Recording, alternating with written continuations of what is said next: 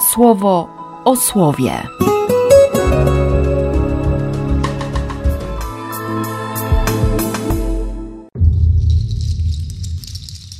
17 maja, poniedziałek. Z dziejów apostolskich. Kiedy Apollos był już w Koryncie, Paweł po przejściu krain w głębi lądu dotarł do Efezu. Znalazł tam grupę uczniów. Zapytał ich, czy gdy uwierzyliście, otrzymaliście Ducha Świętego? A oni mu na to, przecież nawet nie słyszeliśmy, że jest jakiś Duch Święty. Powiedział wtedy, co za chrzest zatem przyjęliście? Oni odrzekli, chrześcijanowy. Paweł wyjaśnił, Jan chrzcił chrztem nawrócenia, wzywając lud do wiary w idącego za nim, to znaczy w Jezusa. Gdy to usłyszeli, przyjęli chrzest w imię Pana Jezusa. Kiedy Paweł nałożył na nich ręce, zstąpił na nich Duch Święty, także mówili językami i prorokowali. Było ich razem około dwunastu mężczyzn. Chodząc do synagogi, nauczał śmiało przez trzy miesiące, prowadził rozmowy i przekonywał o sprawach dotyczących Królestwa Bożego. Z Ewangelii według świętego Jana. Uczniowie jego odezwali się na to: Oto teraz otwarcie pouczasz i nie mówisz przez przypowieści. Teraz widzimy, że ty wiesz wszystko i nie ma potrzeby, aby cię ktoś pytał. Dlatego wierzymy, że wyszedłeś od Ojca. Jezus im rzekł: Już wierzycie? Oto zbliża się godzina, nawet już nadeszła, że się rozproszycie, każdy w swoją stronę, a mnie zostawicie samego. Jednak nie jestem sam, bo Ojciec jest ze mną.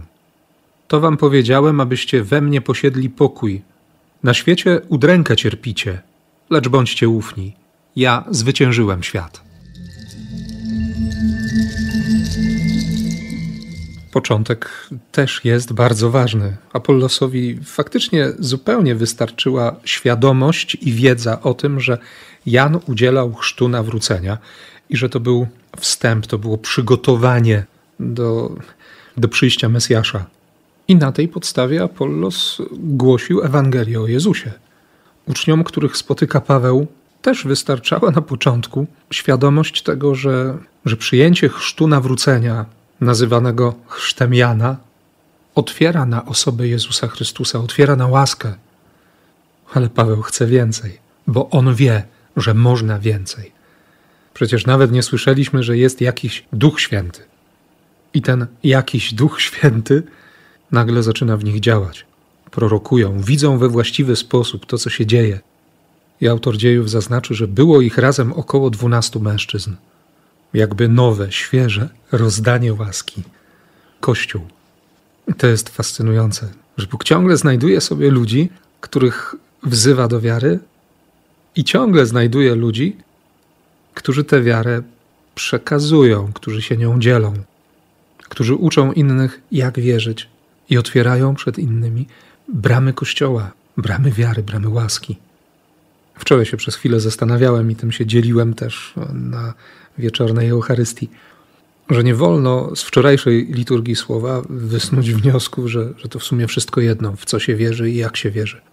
Bo świat naprawdę potrzebuje tych, którzy znają Jezusa, bo oni otwierają innych na przyjęcie, na doświadczenie łaski, na pragnienie zbawienia. I to dzisiaj bardzo mocno widać w tym początku XIX rozdziału dziejów. Bóg nas potrzebuje, Ciebie, mnie. Żeby ktoś, kto widzi nas, zapragnął tego, czym żyjemy i do czego nas Jezus zaprosił.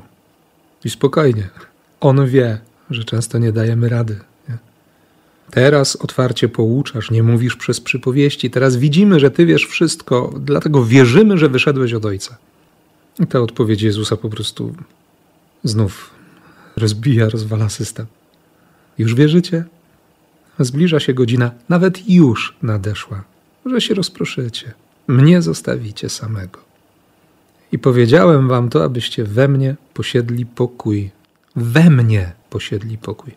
Bo, bo to nie moje serce, nie moje myślenie, nie moje staranie zapewnia mi pokój jakieś poczucie bezpieczeństwa i przekonanie, że że wszystko już mam pod kontrolą, albo przynajmniej większość, tylko słowo Jezusa. Jego obecność, Jego miłość, doświadczenie, że nie jest sam. Ojciec jest z nim. Nie jesteśmy sami. Naprawdę jesteśmy w dłoniach Boga. Boga, którego Twój czy mój grzech nie przestraszy ani nie odstraszy.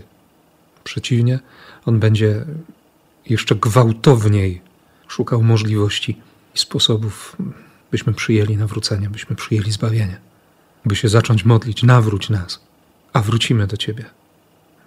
W sumie ten świat niczego więcej nie oferuje. Udrękę, cierpienie. Lecz bądźcie ufni, ja zwyciężyłem świat. Lubię to tłumaczenie tysiąclatki. Odwagi, coraggio, ja zwyciężyłem świat. Bo ta mobilizacja przez Jezusa, z ust samego Jezusa, naprawdę dodaje odwagi i po prostu podnosi.